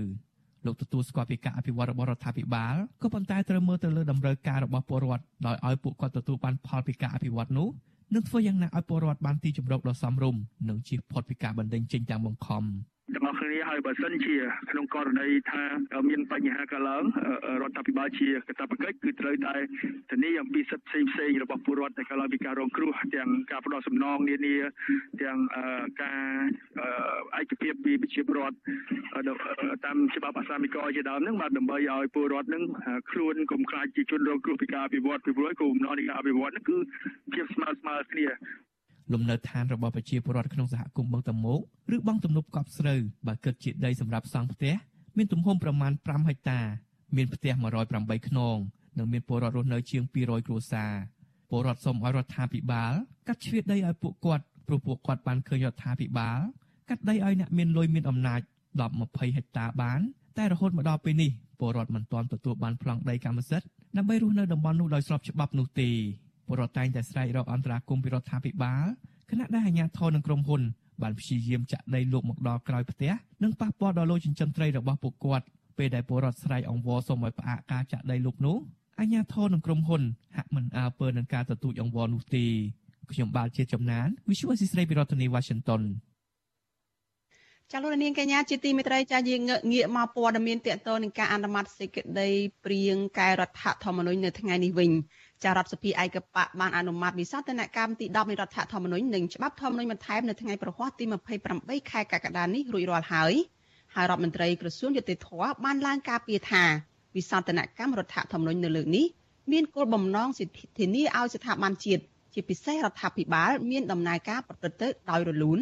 មិនមានការជាប់គាំងនិងធានាបាននៅនៅនិរន្តរភាពនៅគ្រប់កលៈទេសៈទាំងអស់ ប៉ុន្តែអ្នកតាមដានការវិវត្តនៃរដ្ឋធម្មនុញ្ញកម្ពុជាយល់ថាការកែប្រែរដ្ឋធម្មនុញ្ញនេះគឺមានចំណុចបំពានទៅលើស្មារតីនៃប្រជាធិបតេយ្យសេរីពហុបកនិងធ្វើឲ្យរដ្ឋសភានិយមចុះទុនខ្សោយចតាវិសោធនកម្មរដ្ឋធម្មនុញ្ញនេះធ្វើឲ្យរដ្ឋសភាចុះខ្សោយអំណាចរបស់ខ្លួននោះបែបណាខ្លះចាស់លោកជីវិតាមានសេចក្តីរាយការណ៍អំពីរឿងនេះដូចតទៅបើទោះជាមានការរិះគន់បែបណាក្តីក៏រដ្ឋសភាដែលមានតំណាងរាស្ត្រតែពីគណៈបកប្រជាជនកម្ពុជា បានអនុម័តវិសោធនកម្មរដ្ឋធម្មនុញ្ញលើកទី10នេះដោយរលូនរដ្ឋធម្មនុញ្ញកម្ពុជាច្បាប់ដើម ឆ្នាំ1993បានផ្ដល់អំណាចដល់រដ្ឋសភាក្នុងការបង្កើតរដ្ឋាភិបាលក្រោយការបោះឆ្នោតជាតិម្ដងម្ដងរដ្ឋធម្មនុញ្ញនេះក៏ផ្ដល់អំណាចដល់រដ្ឋសភាឲ្យត្រួតពិនិត្យតាមដានកិច្ចការរបស់រដ្ឋាភិបាលដើម្បីជៀសវាងអំណាចប្រមូលផ្ដុំក្នុងដៃអង្គនីតិប្រតិបត្តិឬរដ្ឋាភិបាល ដែលជាស្ថាប័នជាតិកម្ពុជាមួយគ្រប់គ្រងកងប្រដាប់អាវុធដោយផ្ទាល់ប៉ុន្តែអ្នកវិភាគថាបន្តិចម្ដងបន្តិចម្ដងអំណាចរបស់រដ្ឋសភាត្រូវបានកាត់បន្ថយតាមរយៈវិសោធនកម្មឬការកែរដ្ឋធម្មនុញ្ញកន្លងមកនេះអ្នកវិភាគជើងចាស់បណ្ឌិតឡាវម៉ុងហៃយល់ថាការកែរដ្ឋធម្មនុញ្ញលើកនេះកាន់តែអន្តរាយដល់ប្រព័ន្ធប្រជាធិបតេយ្យសេរីពហុបកប៉ះពាល់អំណាចរដ្ឋសភាដែលពលរដ្ឋបោះឆ្នោតឲ្យដោយផ្ទាល់ វិសោធនកម្មរដ្ឋធម្មនុញ្ញបច្ចុប្បន្ននេះវាប៉ះពាល់ទៅដល់ប្រព័ន្ធប្រជាធិបតេយ្យសេរីរូបៈត្រង់ចំណុចប៉ះពាល់ដល់ប្រព័ន្ធអំណាចទុកអំណាច system of check and balances មានន័យយ៉ាងម៉េចគឺដែលច្បាប់ធម្មនុញ្ញហ្នឹងវានឹងទៅកាត់បន្ថយអំណាចអធិបតេយ្យរបស់សភាទៅលើរដ្ឋាភិបាលបាទ លោកបន្ថែមថារដ្ឋធម្មនុញ្ញកម្ពុជា ហាមមិនអោយសាររើឬកែរដ្ឋធម្មនុញ្ញទេបើការកែនោះប៉ះពាល់ដល់របបប្រជាធិបតេយ្យមាត្រា153ថ្មីនៃរដ្ឋធម្មនុញ្ញចែងថាការសាររើឬវិសោធនកម្មរដ្ឋធម្មនុញ្ញមិនអាចធ្វើបានឡើយកាលបើប៉ះពាល់ដល់ប្រព័ន្ធប្រជាធិបតេយ្យសេរីពហុបកបណ្ឌិតឡាវម៉ុងហៃបញ្ជាក់ថា ការកែរដ្ឋធម្មនុញ្ញលើកទី10នេះ យ៉ាងហោចណាស់មានចំណុចសំខាន់ពីរដែលកាត់បន្ថយអំណាចរដ្ឋសភាចំណុចទី1គឺការដកអំណាចនៃការសម្រេចបញ្ជូនឈ្មោះបេក្ខជននាយករដ្ឋមន្ត្រីថ្វាយទៅព្រះមហាក្សត្ររបស់ថ្នាក់ដឹកនាំរដ្ឋសភា នៅក្រោយការបោះឆ្នោតជាតិម្ដងម្ដងមិនបាក់គេឲ្យឆ្លងកាត់រដ្ឋសភាគឺគេឲ្យរដ្ឋសភានេះពិនិត្យសិន គឺអាហ្នឹងជាអំណាចអធិបតេយ្យនេះអំណាចបរិយាទេតាមពិតអំណាចអធិបតេយ្យគឺបរិយាដើម្បីគេពិនិត្យមើលឲ្យបានត្រឹមត្រូវនេះថាមិនគួរមិនគួរព្រោះយកផ្លូវកាត់នេះវាអត់ឆ្លងកាត់យកការត្រួតពិនិត្យឲ្យបានត្រឹមត្រូវណាគឺអំណាចសភានេះគឺអំណាចអធិបតេយ្យវាខ្ពស់ជាងអំណាចរដ្ឋាភិបាលវិសោធនកម្មរដ្ឋធម្មនុញ្ញមាត្រា119ថ្មីដែលស្នើឡើងដោយរដ្ឋាភិបាលនេះ តម្រូវឲ្យគណៈបកឈ្នះឆ្នោតដាក់ថ្វាយឈ្មោះវីរៈជនមួយរូបជាបេក្ខជននាយករដ្ឋមន្ត្រី ទៅព្រះមហាក្សត្រដោយផ្ទាល់ដោយគ្រាន់តែជូនដំណឹងដល់ប្រធានរដ្ឋសភាប៉ុណ្ណោះមេត្រានេះសរសេរថាតាមសេចក្តីស្នើពីគណៈបកដែលមានអាសនៈច្រើនជាងគេក្នុងរដ្ឋសភាព្រះមហាក្សត្រទ្រង់ចាត់តាំងវីរៈជនមួយរូបជានាយករដ្ឋមន្ត្រីឲ្យបង្កើតរាជរដ្ឋាភិបាលសេចក្តីស្នើពីគណៈបកដែលមានអាសនៈច្រើនជាងគេក្នុងរដ្ឋសភានេះ ត្រូវចម្លងជូនប្រធានរដ្ឋសភាផ្ទុយពីការយល់ឃើញរបស់អ្នកវិភាគនិងគណៈបកនយោបាយក្រៅរដ្ឋាភិបាលមួយចំនួនរដ្ឋមន្ត្រីក្រសួងយុតិធធលោកកើតរិទ្ធថ្លែងការពីវិសោធនកម្មមេត្រានេះក្នុងសន្និសីទកាសែតនៅឯក្រសួងយុតិធធកាលពីថ្ងៃទី14កក្កដាលោករដ្ឋមន្ត្រីបកស្រាយថាពលរដ្ឋបោះឆ្នោតឲ្យគណៈបកដូច្នេះគណៈបកដែលឈ្នះឆ្នោតគួរតែជាអ្នកថ្វាយឈ្មោះអនាគតនាយករដ្ឋមន្ត្រីជូនព្រះមហាក្សត្រ ដើម្បីឲ្យទ្រង់ចាត់តាំងដោយមិនចាំបាច់ឆ្លងថ្នាក់ដឹកនាំរដ្ឋសភាដោយដែលរដ្ឋធម្មនុញ្ញចាស់ចែងនោះទេតើប្រជាពលរដ្ឋគាត់បោះឆ្នោតឲ្យអ្នកណាប្រជាពលរដ្ឋគាត់បោះឆ្នោតឲ្យប្រធានរដ្ឋសភាឬមួយក៏ប្រជាពលរដ្ឋបោះឆ្នោតឲ្យគណៈបកនយោបាយប្រព័ន្ធបោះឆ្នោតរបស់យើងគឺប្រជាពលរដ្ឋបោះឆ្នោតជ្រើសរើសគណៈបកនយោបាយអញ្ចឹងគណៈបកនយោបាយគឺទទួលបាននៅអំណាចដោយផ្ទាល់ពីប្រជាពលរដ្ឋអញ្ចឹងបើគាត់ទទួលបានការគ្រប់គ្រង ពីប្រជាពលរដ្ឋដែលជាម្ចាស់ឆ្នោតណាហើយមានទទួលបានអាសនៈច្រើនជាងគេក្នុងរដ្ឋសភាកិច្ចការនេះគួរតែជាកិច្ចការរបស់គណៈបកនយោបាយទោះជាយ៉ាងណាបណ្ឌិតឡាវម៉ុងហៃនៅតែយល់ថាវិសោធនកម្មមេត្រា119ថ្មីនេះគឺជាការឆក់អំណាចពីរដ្ឋសភាទៅឲ្យរដ្ឋាភិបាលលោកយល់ថានៅពេលអំណាចប្រមូលផ្ដុំក្នុងដៃរដ្ឋាភិបាលកាន់តែច្រើនទំនោរឬនិន្នាការឈ្មោះទៅរករបបផ្ដាច់ការ ក៏កាន់តែមានច្រើនដែរសង្កត់ខាងទៅលើ system of checks and balances អំណាចទុកអំណាចដូចចេះកាន់តែបថយអំណាចសភាបកកើអំណាចរដ្ឋាភិបាលលើឃើញចាស់ស្រែកដូចជាវិសោធនកម្មមុនមុនតែដែលចាប់ពីច្បាប់ធម្មនុញ្ញបន្ថែមហ្នឹងមកណាច្បាប់ធម្មនុញ្ញបន្ថែមដែលបណ្ឌិតឡាវម៉ុងហៃយោងទៅនេះគឺច្បាប់ធម្មនុញ្ញបន្ថែមឆ្នាំ2004 ដែលតម្រូវឲ្យរដ្ឋសភាផ្លាស់ប្តូរពីការបោះឆ្នោតបង្កើតរដ្ឋសភាមុនទើបបោះឆ្នោតបង្កើតរដ្ឋាភិបាលជាក្រោយ ទៅជាការបោះឆ្នោតបង្កើតរដ្ឋសភា និងបង្កើតរដ្ឋាភិបាលក្នុងពេលតែមួយឬហៅថាការបោះឆ្នោតជាកញ្ចប់ច្បាប់ធម្មនុញ្ញបន្ថែមលើកទី1ដល់ជំរងចម្រាស់ឆ្នាំ2004នោះធ្វើឡើងក្រោមបរិយាកាសនយោបាយអាប់អួរពលគឺការជាប់គាំងនយោបាយក្រោយការបោះឆ្នោតឆ្នាំ2003ពេលនោះ ទាំងព្រះបរមរតនកោដ្ឋសម្ដេចព្រះនរោត្តមសីហនុព្រះប្រមុខរដ្ឋទាំងលោកជាស៊ីមប្រមុខរដ្ឋស្ដីទីមិនព្រមឡាយព្រះហស្ថលេខានិងចុះហត្ថលេខាលើសេចក្តីព្រាងច្បាប់ធម្មនុញ្ញបន្ថែមនោះទេដើម្បីបង្ហាញការមិនពេញប្រតិយលើច្បាប់ធម្មនុញ្ញបន្ថែមនោះព្រះបរមរតនកោដ្ឋសម្ដេចព្រះនរោត្តមសីហនុបានយាងចេញពីកម្ពុជានៅព្រឹកថ្ងៃទី13កក្កដាឆ្នាំ2004ទៅគង់នៅប្រទេសកូរ៉េខាងជើង ប៉ុន្តែមួយថ្ងៃមុនពេលយាងចេញព្រះអង្គបានសរសេរចុតម៉ាយមួយច្បាប់ផ្ញើជូនលោកជាស៊ីមដោយមានប្រេចបន្ទូលថាសេចក្តីព្រៀងច្បាប់ធម្មនុញ្ញបន្ថែមដែលនឹងនាំឲ្យមានការបោះឆ្នោតជាកញ្ចប់នោះគឺជាបញ្ហានាំទៅរកភាពប្រេះស្រាំនៃជាតិរបស់យើងព្រះអង្គថាព្រះអង្គមិនអាចទទួលខុសត្រូវចំពោះកិច្ចការដ៏ធ្ងន់នេះបានទេក្នុងលិខិតដែលបង្ហោះលើគេហទំព័ររបស់ព្រះអង្គ សម្ដេចព្រះនរោត្តមសីហនុក៏បានមានប្រេកបន្ទូលទៅកាន់លោកជាស៊ីមប្រមុខរដ្ឋស្ដីទីថាសូមឲ្យលោកប្រើមនសិការរបស់លោកទៅចុះក្នុងការសម្រេចចិត្តថាតើត្រូវចុះហត្ថលេខាឬមិនចុះហត្ថលេខាលើសេចក្តីព្រាងច្បាប់ធម្មនុញ្ញបន្ថែមនេះលោកជាស៊ីមដែលពេលនោះជាប្រធានព្រឹទ្ធសភានិងជាប្រធានគណៈបកប្រជាជនកម្ពុជាផងនោះក៏មិនយល់ព្រមចុះហត្ថលេខាលើសេចក្តីព្រាងច្បាប់ធម្មនុញ្ញបន្ថែមនោះដែរទង្វើនេះ បានធ្វើឲ្យលោកនាយករដ្ឋមន្ត្រីហ៊ុនសែនមិនសប្បាយចិត្តសោះឡើយបន្ទាប់មកក្នុងថ្ងៃទី13កក្កដាដដែលនោះគេឃើញលោកហុកឡុងឌីអគ្គស្នងការនគរបាលជាតិបានដឹកនាំកម្លាំងប្រដាប់អាវុធមួយក្រុមទៅផ្ទះលោកជាស៊ីមបង្ខំឲ្យលោកជាស៊ីមទៅដេកឈឺនៅប្រទេសថៃមួយរយៈសិនដើម្បីបើកឱកាសឲ្យមានប្រមុខរដ្ឋស្ដីទីថ្មីក្រោយលោកជាស៊ីមចាក់ចេញភ្លាមអនុប្រធានទី2នៃប្រសិទ្ធិលោកញឹកប៊ុនឆៃ ក៏ឡើងជាប្រមុខរដ្ឋស្ដីទីផ្លែតដែរហើយចុះហត្ថលេខាលើច្បាប់ធម្មនុញ្ញបន្ថែមនោះផ្លាប់តែម្ដងទាំងអស់នេះកើតឡើងយ៉ាងឆាប់រហ័សនៅក្នុងថ្ងៃទី13កក្កដាឆ្នាំ2004ច្បាប់ធម្មនុញ្ញបន្ថែមនោះបានបញ្ចប់ទូនីតិមេត្រា82ដើមនៃរដ្ឋធម្មនុញ្ញដែលចែងអំពីការបង្កើតរចនាសម្ព័ន្ធរដ្ឋសភាមុនបង្កើតគណៈរដ្ឋមន្ត្រីអ្នកវិភាគមើលឃើញថា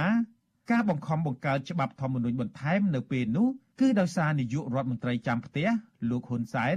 ដែលជាអនុប្រធានគណៈបកប្រជាជនកម្ពុជាផងនោះលោកមិនទុកចិត្តសម្ដេចក្រមព្រះនរោត្តមរណរដ្ឋប្រធានគណៈបកហ៊ុនស៊ិនប៉ិចនិងជាប្រធានរដ្ឋសភាហើយក៏មិនទុកចិត្តលោកជាស៊ីមដែរថានឹងបោះឆ្នោតឲ្យលោកធ្វើជានាយករដ្ឋមន្ត្រីបន្តទៀតត្រឡប់មកមើលវិសោធនកម្មរដ្ឋធម្មនុញ្ញលើកទី10 ដែលរដ្ឋសភាទើបបានអនុម័តនៅថ្ងៃទី28កក្កដាឆ្នាំ2022នេះវិញបណ្ឌិតឡាវម៉ុងហៃថាចំណុចសំខាន់ទី2ដែលកាត់បន្ថយអំណាចរដ្ឋសភា គឺការកែរដ្ឋធម្មនុញ្ញមាត្រា98តាក់ទងទៅនឹងការបង្កើនចំនួនតំណាងរាស្ត្រពី30ទៅ42នាក់ដើម្បីអាចស្នើញត្តិបន្ទោសលើរាជរដ្ឋាភិបាលម្ដងម្ដងអាចតម្លើងចំនួនពី30ទៅ42តំណាងរាស្ត្រហ្នឹង ដើម្បីធ្វើញត្តិស្ដីបន្ទោសរាជរដ្ឋាភិបាលហ្នឹងបាទអាហ្នឹងគឺមានន័យថាកាត់បន្ថយអំណាចរបស់រដ្ឋាភិបាលហើយហើយបង្កើនអំណាចនៅរដ្ឋាភិបាលទោះជាយ៉ាងណារដ្ឋមន្ត្រីក្រសួងយុតិធម៌លោកកើតរិទ្ធថ្លែងការពីវិសោធនកម្មចំណុចនេះ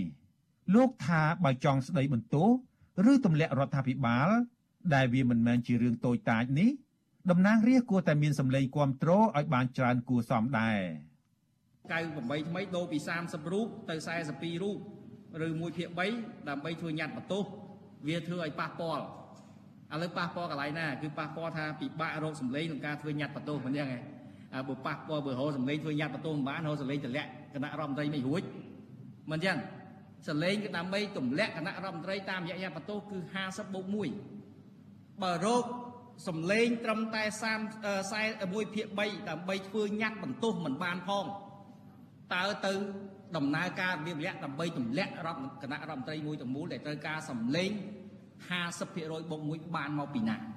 ឃើញទេអញ្ចឹងយើងត្រូវមានភាពប្រកបនិយមលោករដ្ឋមន្ត្រីក្រសួងយុតិធធបញ្ជាក់ថា ការកែរដ្ឋធម្មនុញ្ញលើកនេះក៏ដោយលើកមុនមុនដែរគឺដើម្បីបំពេញចន្លោះប្រហោងនៃរដ្ឋធម្មនុញ្ញ និងធានានៅដំណើរជាប្រក្រតីនៃស្ថាប័នរដ្ឋលោកអះអាងទៀតថាការកែរដ្ឋធម្មនុញ្ញទាំង10លើកកន្លងមកនេះមិនមានអ្វីផ្ទុយពីច្បាប់ឡើយរាល់ដំណើរការនៃការធ្វើទាំងអស់នេះលើកទី10ក៏មិនខុសពីលើកទី9ក៏មិនខុសពីលើកទី8ក៏មិនខុសពីការធ្វើដំណើរកម្មតាំងពីលើកទី1មកគឺអនុវត្តស្របទៅតាមនីតិវិធី ដែលមានចែងនៅក្នុងរដ្ឋធម្មនុញ្ញនៃប្រជាណាចក្រកម្ពុជារបស់យើងតែម្ដងបាទឥឡូវបើកន្លែងណាខុសសូមលើកមេត្រាមកបង្ហាញមកបណ្ឌិតឡាវម៉ុងហៃថាវាមិនខុសទេជាទម្រង់ឬជានីតិវិធីប៉ុន្តែបញ្ហាគឺខ្លឹមសារនិងស្មារតីកាន់តែមិនល្អទៅទៀតនោះលោកថារដ្ឋសភា ដែលតំណាងឲ្យម្ចាស់ឆ្នោតបែរជាចាំតែវាយត្រា ដោយគ្មានការពិភាក្សាសួរដេញដោលស៊ីជម្រៅលើខ្លឹមសារស្មារតីនៃសេចក្តីពីងច្បាប់ដែលរដ្ឋាភិបាលដាក់ស្នើមកម្ដងម្ដងអាចអាច10ដងនោះណាច្រើនតែវាស្មើនឹងដែលអនុក្រឹតបាទវៃត្រាសភាសញ្ញេព្រះមហាក្សត្រតែប៉ុណ្ណឹងអាហ្នឹងគឺទម្រង់ត្រឹមត្រូវហើយប៉ុន្តែដែលស្មារតីហើយនៅឆន្ទៈមិនមែនជាសេចក្តីសម្ដែងឆន្ទៈរបស់ប្រជាជាតិ បណ្ឌិតឡាវម៉ុងហៃបន្ថែមថាការកែរដ្ឋធម្មនុញ្ញញឹកញាប់ត្រង់ចំណុចដែលមិនចាំបាច់បង្ហាញពីអស្ថិរភាពនយោបាយនិងការខ្វះទំនុកចិត្តលើខ្លួនឯងនៃអ្នកដឹកនាំប្រទេស។អស្ថិរភាពនយោបាយទី2អសមត្ថភាពមេដឹកនាំណាអត់ចេះដឹកនាំប្រទេសតាមតាមកន្លងរដ្ឋធម្មនុញ្ញហើយទុំរដ្ឋធម្មនុញ្ញជាឧបសគ្គទៅវិញទៅអត់ចេះកែ សាស្ត្រាចារ្យច្បាប់នៃវិទ្យាស្ថានបច្ចេកវិទ្យា Massachusetts រដ្ឋ Massachusetts នៃសហរដ្ឋអាមេរិកលោកបាឡាគ្រីស្ណានរាជាកូប៉ាល់ពន្យល់ថារដ្ឋធម្មនុញ្ញកំណត់នៅមូលដ្ឋានសំខាន់សំខាន់នៃរបៀបដែលរដ្ឋមួយត្រូវដំណើរការលោកថាការសើរើឬធ្វើវិសោធនកម្មណាមួយត្រូវតែឆ្លងកាត់នីតិវិធីដ៏តឹងរឹងនិងម៉ត់ចត់បំផុត ដើម្បីពិនិត្យមើលថាតើការកែនោះស្របច្បាប់ឬទេ that if you make constitutional amendment too easy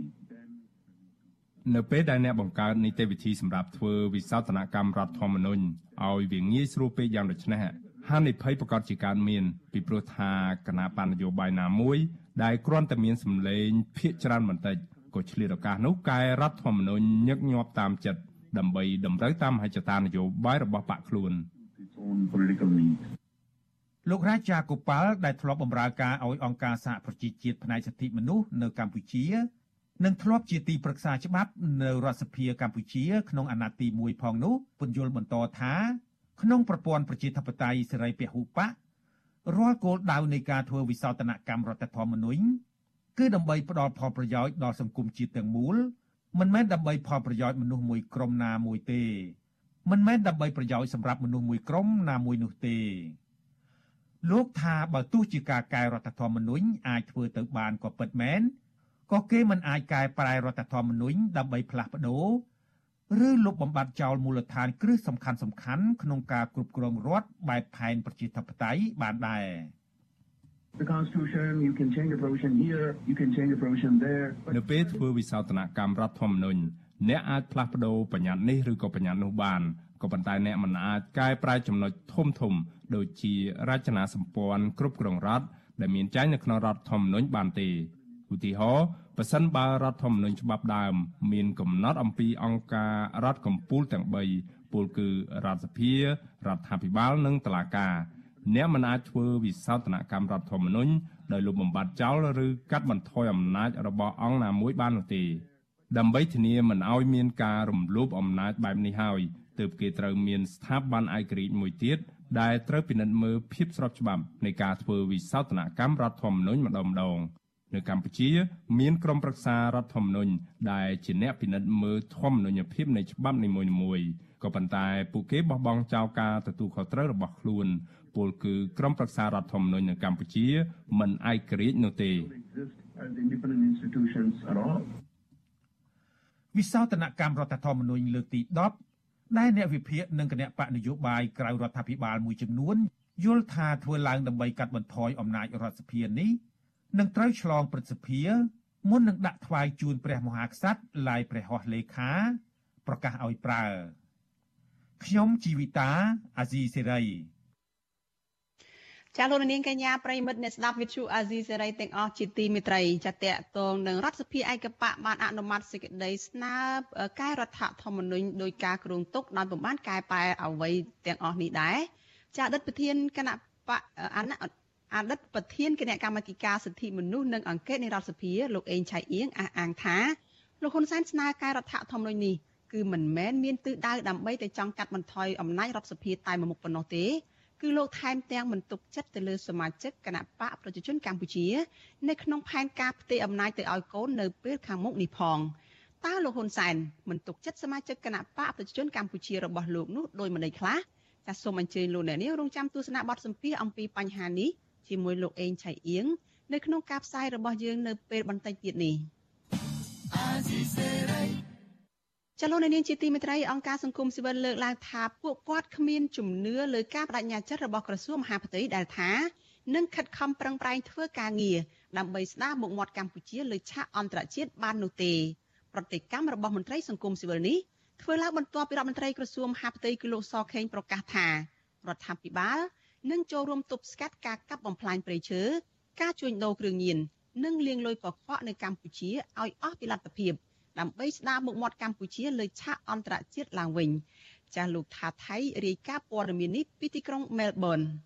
មន្ត្រីអង្គការសង្គមស៊ីវិលលើកឡើងថាការបដិញ្ញាចិត្តរបស់ក្រសួងមហាផ្ទៃនេះធ្វើឡើងឲ្យគ្រាន់តែល្អមើលនិងមិនអាចទប់ស្កាត់អ ுக ្រិតជននិងការលាងលុយកខ្វក់នៅកម្ពុជាបានឡើយ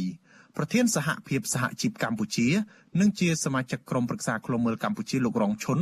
ប្រាប់វិទ្យុអាស៊ីសេរីនៅថ្ងៃទី28កក្កដាថា លោកសាទរចំពោះការបដិញ្ញាចិត្តរបស់រដ្ឋមន្ត្រីក្រសួងមហាផ្ទៃដែលថានឹងខិតខំប្រឹងប្រែងទប់ស្កាត់ការកាប់បំផ្លាញព្រៃឈើការជួញដូរគ្រឿងញៀនការជួញដូរមនុស្សនិងការលាងលុយកខ្វក់នេះក៏ប៉ុន្តែលោកហាក់គ្មានជំនឿទៅលើការអនុវត្តច្បាប់របស់អាជ្ញាធរឲ្យមានប្រសិទ្ធភាពនោះឡើយលោកបញ្ជាក់ថាមូលហេតុដែលលោកគ្មានជំនឿបែបនេះ ដោយសារកន្លងមកបញ្ហាទាំងអស់នេះកើតឡើងភាគច្រើនមានមន្ត្រីក្រាកក្រាកនៅពីក្រោយខ្នងហើយក្រសួងមហាផ្ទៃទំនងជាមិនអាចចាត់វិធានការទៅលើអ ுக ្រិតជនទាំងនោះដូចពេលមុនមុនដែរចឹងបើគ្រាន់តែបោះសម្អាតតែខាងក្រោមហើយមិនបានបោះសម្អាតរកទៅថាឬគល់អ្នកដែលមានតំណែងធំធំយកទៅផ្ដន់ទៀតទោសវាមិនអាច បោះសម្អាតទៅបានទេគ្រាន់តែបានលើកឡើងឲ្យជារាជាជនបានស្ដាប់តខ្លួននឹងហាក់បីដូចជាខំសម្បើមណាស់តែភាពពិតគ្មានប្រសិទ្ធភាពអីទាំងអស់បាទកាលពីថ្ងៃទី26ខែកក្កដា រដ្ឋមន្ត្រីក្រសួងមហាផ្ទៃលោកសខេងបានថ្លែងក្នុងពិធីបិទវគ្គសុក្រតការថ្នាក់ដឹកនាំនគរបាលកម្រិត1និងកម្រិត2ចំនួនទី1នៅបណ្ឌិតសភានគរបាលនៅខេត្តកណ្ដាលថាលោកនឹងសហការជាមួយក្រសួងពាក់ព័ន្ធទប់ស្កាត់ការកាប់បំផ្លាញព្រៃឈើការបរបាញ់សត្វព្រៃការជួញដូរមនុស្សការជួញដូរគ្រឿងញៀននិងការលាងលុយកខ្វក់នៅកម្ពុជាឲ្យអស់លទ្ធភាពដើម្បីស្ដារមុខមាត់ប្រទេសនៅលើឆាកអន្តរជាតិលោកសខេងបញ្ជាក់ថាការលាងលុយកខ្វក់ជាហានិភ័យធំធេងដែលពិភពលោកមានការព្រួយបារម្ភខ្ពស់ កម្ពុជាយើងត្រូវអង្គការហិរញ្ញវត្ថុអន្តរជាតិគេហៅថា FAD អង្គការ FAD នេះដែលជាយន្តការមួយរបស់អង្គការជាតិដែរគេវាយតម្លៃថាជាប្រទេសប្រភេទប្រភេទហើយប្រភេទនេះវាមិនជាការល្អសម្រាប់យើងទេបើសិនជាវាចូលទៅខ្មៅវារឹតតែមិនល្អទៀតចូលទៅខ្មៅប្រព័ន្ធធនាគាររបស់យើងពិបាកនឹងទូទាត់មិនមែនថាទូទាត់មិនបានទេក៏ប៉ុន្តែពិបាកនឹងទូទាត់ ជុំវិញរឿងនេះនាយកប្រតិបត្តិអង្គការសង្ត្រាល់លោកមឿនដុល្លារមើលឃើញថាប្រសិនបើរដ្ឋាភិបាលនៅតែមិនទប់ស្កាត់ការប្រព្រឹត្តអំពើពុករលួយឲ្យមានប្រសិទ្ធភាពដូចសពថ្ងៃទេនោះក្រសួងមហាផ្ទៃនឹងមិនអាចទប់ស្កាត់ការជួញដូរមនុស្សការកាប់បំផ្លាញព្រៃឈើនិងការលាងលុយកខ្វក់ជាដើមបានឡើយលោកបញ្ជាក់ថាបញ្ហាទាំងនេះអាចធ្វើទៅបានលុះត្រាតែរដ្ឋាភិបាលមានឆន្ទៈពិតប្រាកដក្នុងការទប់ស្កាត់ឲ្យមានប្រសិទ្ធភាព ចំណុចដែលសំខាន់មួយទៀតគឺថាតតតែហ៊ានអាកាត់រឿងអំពើពុករលួយជីវព័ន្ធនេះបើសិនជាយើងអត់ហ៊ានអាកាត់អំពើពុករលួយទេធម្មតាអំពើជួញដូរមនុស្សក៏ដោយអំពើលាងលុយកខ្វក់ក៏ដោយអំពើកាប់បំផ្លាញព្រៃឈើឬបំផ្លាញទុនធានធម្មជាតិអ្នកដែលទៅលុបសមុទ្រអ្នកទៅយកបឹងបើសិនជាមិនមានការពាក់ព័ន្ធជាមួយមន្ត្រីក្រាក់ក្រាក់ទេឈ្មួញទាំងអស់ហ្នឹងឬក៏អត់ក្រិតជនទាំងអស់ហ្នឹងមិនអាចប្រព្រឹត្តបទល្មើសនឹងបានក្នុងរយៈពេល24ម៉ោងទេបាទ កាលពីថ្ងៃទី19ខែកក្កដាក្រសួងការបរទេសអាមេរិកបានចេញរបាយការណ៍ស្តីពីការជួញដូរមនុស្សដោយបានទម្លាក់ចំណាត់ថ្នាក់កម្ពុជាមកកម្រិតទី3អាក្រក់បំផុតពុំធ្លាប់មានតាំងពីឆ្នាំ2015មកនិងក្រោយពេលដែលកម្ពុជាស្ថិតក្នុងចំណាត់ថ្នាក់កម្រិតទី2ក្រោមការឃ្លាំមើលអស់រយៈពេល3ឆ្នាំជាប់ជាប់គ្នាចាប់តាំងពីឆ្នាំ2019មករបាយការណ៍លើកឡើងថារដ្ឋាភិបាលកម្ពុជាពុំបានគ្រប់តាមពេញលេញនៅស្តង់ដារអបបរមាដើម្បីលុបបំបាត់នៅអំពើជួញដូរមនុស្ស និងពុំបានខិតខំប្រឹងប្រែងគូឲ្យកត់សម្គាល់ក្នុងការប្រយុទ្ធប្រឆាំងនឹងអំពើជួញដូរមនុស្សឡើយដោយឡែកអង្គការឃ្លាំមើលអំពើលាងលុយកខ្វក់នៅលើពិភពលោកឈ្មោះក្រុមការងារហិរញ្ញវត្ថុដែលមានមូលដ្ឋាននៅទីក្រុងប៉ារីសប្រទេសបារាំងកាលពីថ្ងៃទី4ខែមីនាបានបន្តដាក់កម្ពុជាស្ថិតក្នុងបញ្ជីប្រភេទនៃក្រុមប្រទេសមានហានិភ័យខាងអំពើលាងលុយកខ្វក់ដែលពិភពលោកត្រូវបង្កើនការតាមដានអស់រយៈពេលជាង3ឆ្នាំហើយគិតចាប់តាំងពីខែកុម្ភៈឆ្នាំ2019មក ដែលកម្ពុជាបន្តជាប់ឈ្មោះក្នុងបញ្ជីប្រភេទនៃក្រមប្រទេសដែលពិភពលោកត្រូវបង្កើនការតាមដានខ្លាំងខាងអំពើលាងលុយកខ្វក់វិស័យដែលរងហានិភ័យខ្ពស់ខាងអំពើលាងលុយកខ្វក់នៅកម្ពុជារួមមានវិស័យធនាគារហិរញ្ញវត្ថុវិស័យសំណង់អចលនទ្រព្យនិងវិស័យកាស៊ីណូមន្ត្រីអង្គការសង្គមស៊ីវិលជឿជាក់ថាប្រសិនបើរដ្ឋាភិបាលនៅតែបណ្ដេតបណ្ដោយឲ្យមានការកាប់បំផ្លាញព្រៃឈើការជួញដូរមនុស្សនិងការលាងលុយកខ្វក់ជាដើម នឹងធ្វើឲ្យកម្ពុជាមានកេរ្តិ៍ឈ្មោះកាន់តែអាក្រក់នៅលើឆាកអន្តរជាតិជាពិសេសអាចនឹងមានទណ្ឌកម្មផ្នែកសេដ្ឋកិច្ចបន្ថែមទៀតមកលើកម្ពុជាខ្ញុំថាថៃពីទីក្រុងមែលប៊នចលនានកញ្ញាជាទីមេត្រីចាក្រមអ្នកតាមដានកិច្ចការអន្តរជាតិអះអាងថាលោកនាយរដ្ឋមន្ត្រីហ៊ុនសែននៅក្នុងនាមជាប្រធានអាស៊ាន បានបរាជ័យលើការដោះស្រាយវិបត្តិនយោបាយនៅប្រទេសភូមាឬមីយ៉ាន់ម៉ាតើបរាជ័យលើការដោះស្រាយវិបត្តិនៅភូមានេះ ជាកំហុសទាំងស្រុងរបស់ប្រធានអាស៊ានឬយ៉ាងណាចាសសូមអញ្ជើញលោកអ្នកនាងរងចាំស្ដាប់នីតិវេទិកាអ្នកស្ដាប់វិទ្យុអាស៊ីសេរីចាដៃនឹងជជែកអំពីបញ្ហានេះនៅយប់ថ្ងៃសុក្រទី29ខែកក្កដាស្អែកនេះកុំបីខានចលនានាងជាទីមិត្តរីចំពោះលោកនាងដែលកំពុងតែតាមដានការផ្សាយរបស់វិទ្យុអាស៊ីសេរីតាមរយៈវិទ្យុរលកធាតុអាកាសខ្លី SW ចាលោកនាងមិនលឺការផ្សាយរបស់យើងតទៅទៀតទេ ចាប៉ុន្តែចំពោះលោកអ្នកនាងដែលកំពុងតែតាមដានការផ្សាយរបស់យើងចាតាមរយៈ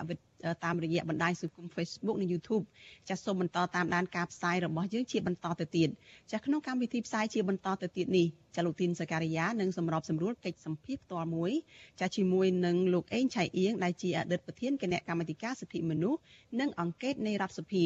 ដោយបដោតទៅលើការកែប្រែរដ្ឋធម្មនុញ្ញលើកទី10នេះ ដោយពិនិត្យមើលថាតើលោកហ៊ុនសែនមិនទុកចិត្តសមាជិកគណៈបកប្រជាជនកម្ពុជារបស់លោកនោះយ៉ាងដូចម្តេចខ្លះចាសសូមអញ្ជើញលោកអ្នកនាងតាមដានការផ្សាយរបស់យើងជាបន្តទៅទៀតហើយនេះខ្ញុំក៏សូមប្រគល់កម្មវិធីផ្សាយជាបន្តទៅទៀតនេះចាសជូនលោកទីនសការីយ៉ាដែលលោកនឹងសម្របសម្រួលបတ်សម្ភារផ្ទាល់មួយនៅពេលបន្តិចទៀតនេះចាសសម្រាប់ពេលនេះនេះខ្ញុំសូមអរគុណនិងសូមជម្រាបលា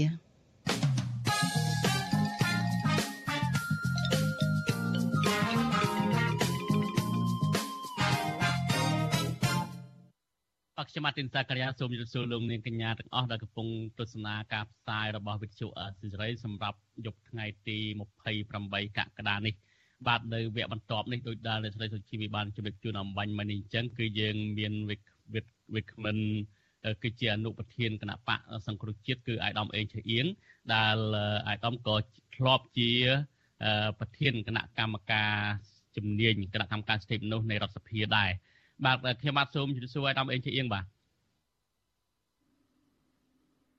ប្រហែលជាយើងនៅភ្ជាប់អាយដាមមិនទាន់បានទេ បាទលោកនាងជាទីមេត្រីដោយដែលលោកនាងបានដឹងហើយថ្ងៃនេះក៏ជាថ្ងៃប្រវត្តិសាស្ត្រ